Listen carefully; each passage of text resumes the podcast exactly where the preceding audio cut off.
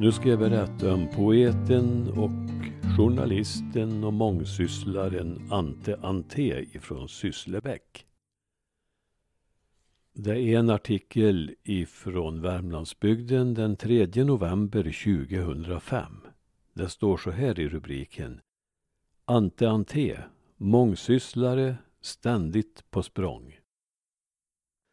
Från min barndom har jag bara få och diffusa minnen av Ante Ante från Skomakartorp, Sundhult.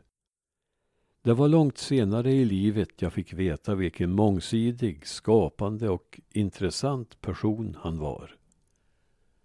Jag minns honom som en skarpögd, sträng man i basker som misstänksamt såg till att inga barn drällde omkring på hembygdsgården i Dalby under hans tid som hembygdsföreningens ordförande. Sannolikt hade han skäl för sin misstänksamhet. Jag minns några rader från en dikt han skrivit som fanns bevarad i ett tidningsurklipp hos min farfar. Björkens ris skrattar gräddelint. Så stod det i dikten. Och vi var lite till mans förundrade över hur detta kunde gå till. Jag minns förvåningen och de vuxnas samtal sedan Ante hastigt avlidit på väg till ett stall i skogen 1960. Bara 65 år gammal. Han var ute i sin tjänst som kommunens djurskyddsinspektör och som sådan hade han särskild omsorg om timmerkörarnas hästar som många gånger hade det svårt. Men den gången kom han inte fram. För en tidigare generation var Ante Ante känd som en mångsysslare av stora mått. Mest känd var han kanske som diktare.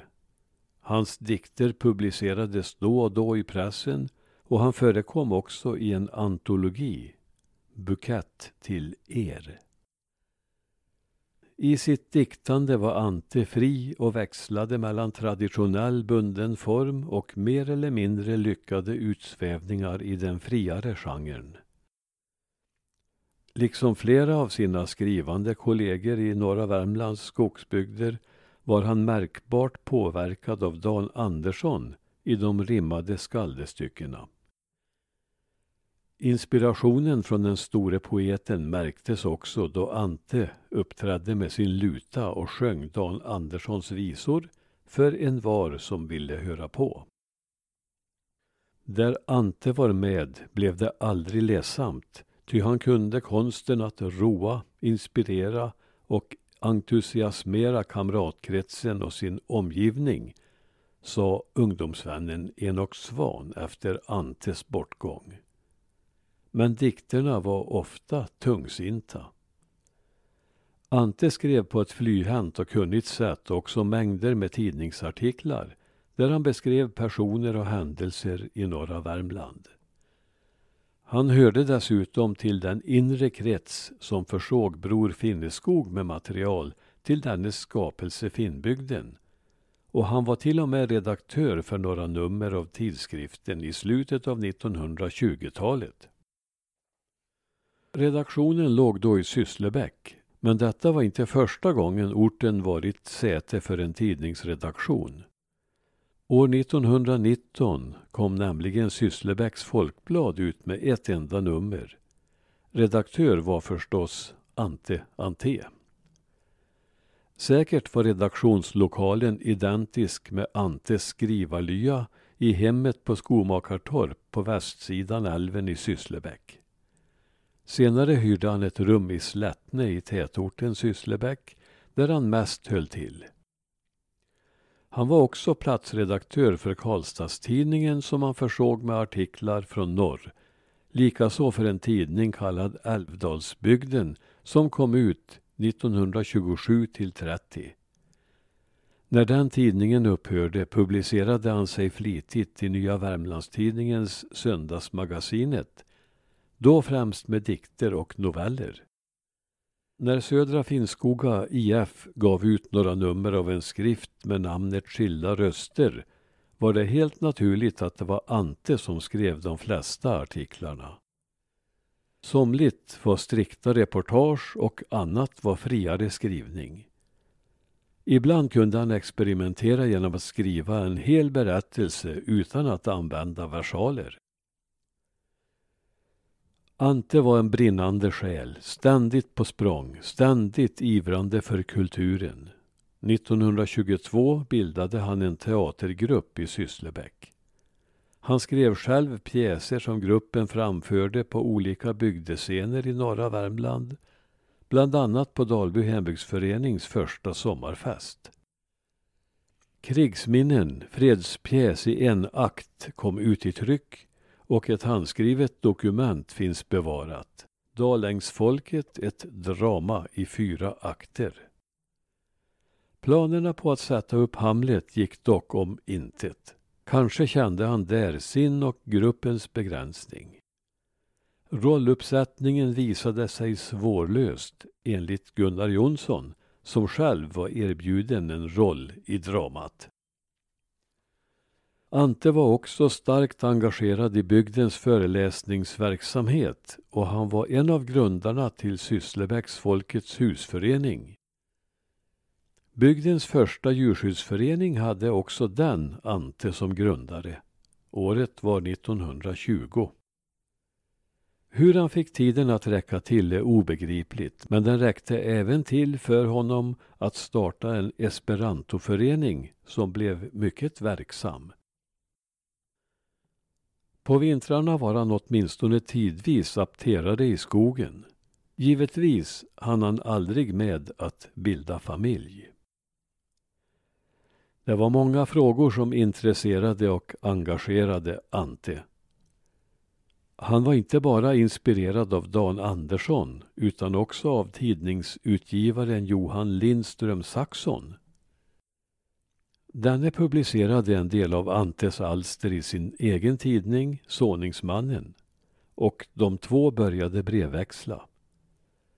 Saxon hade höga ideal och ivrade i sin press för fred, nykterhet, hembygdsvård och vegetarisk kost. Och därifrån fick Ante näring till sin idealism och sitt sociala patos.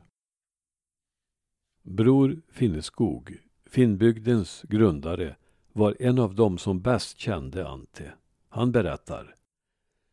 Jag har sällan träffat någon med så många järn i elden. Han kom med lutan i sitt fodral över axeln, med ritkål och teckningsblock, barfota över skogen till min barndoms nyskoga.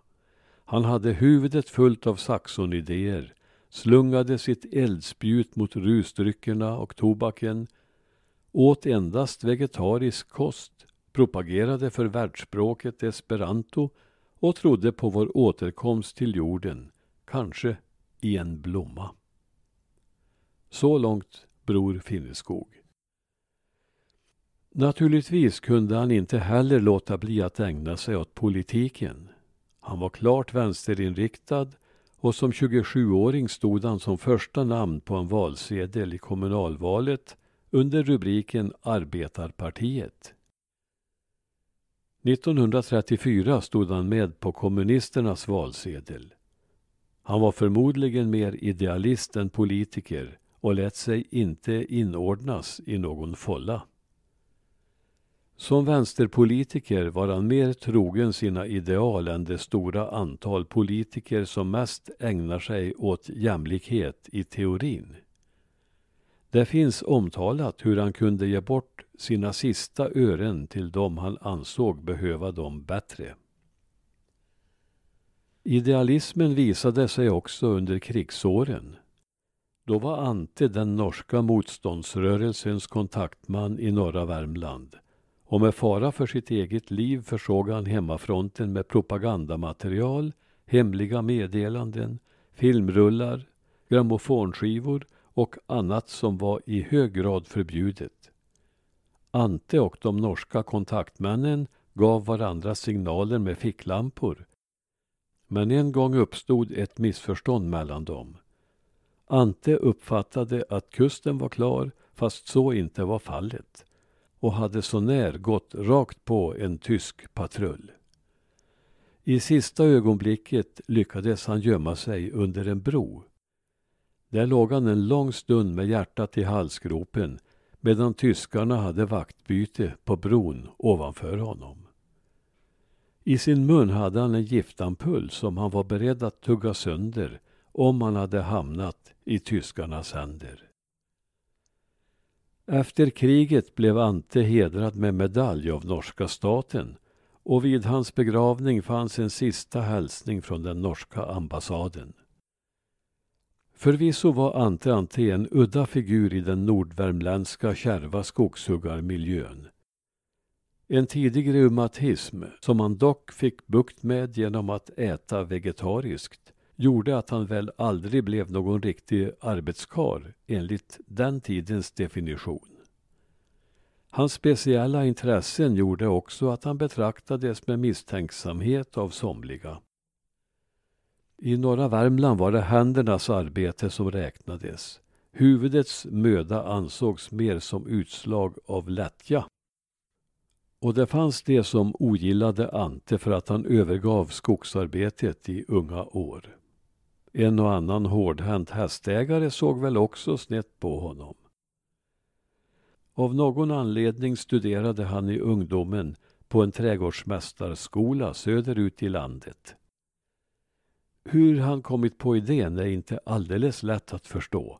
För i norra Värmland fanns inte mycket av vare sig trädgårdar eller blomrabatter vid den tiden och till norra Värmland återvände han ju efter studierna. Kanske var det detta Ante ville ändra på och trädgårdsskötsel blev ännu ett ämne han propagerade för.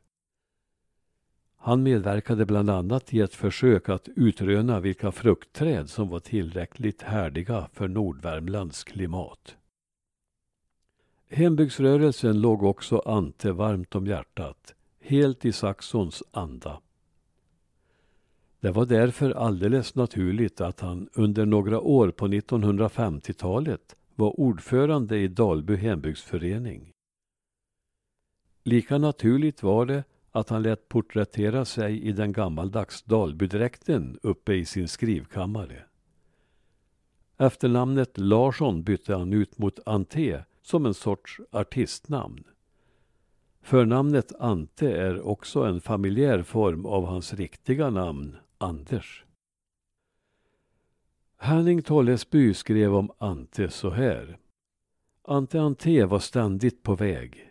Det var något symboliskt att han fick sluta sina dagar på väg genom skogarna i sitt uppdrag att inspektera hur skogshästarna hade det i sina provisoriska stall. Det var en vinterdag 1960 som det oroliga hjärtat inte ville fungera längre.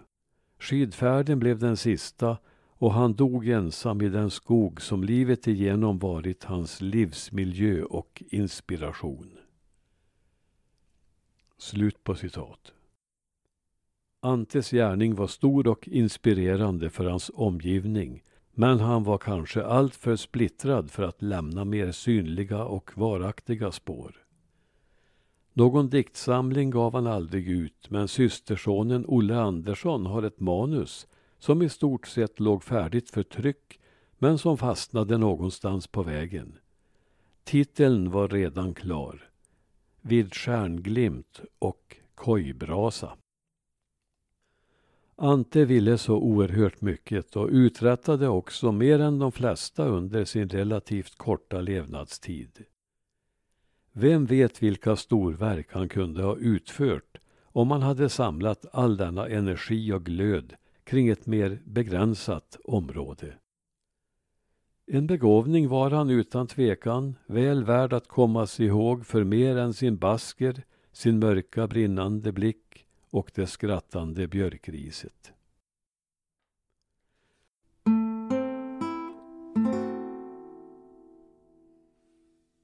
Där var artikeln slut. Jag kan nämna att det påstås att han gjorde ett av sina besök som eh, djurskyddsinspektör hos den trollkunniga Ivana Julia på Ivanaberget i södra Finnskoga. Han hade väl någon anmärkning mot hennes skötsel av husdjuren och hon tog väldigt illa upp för det där och sen sa hon till henne att jag ska se till att du inte kommer hit någon mer gång. Det var hennes sätt att försvara sig mot dem hon såg som sina fiender. Det finns dömda som menar att det var Julia som ställde till att Ante dog när han var ute på ett inspektionsuppdrag.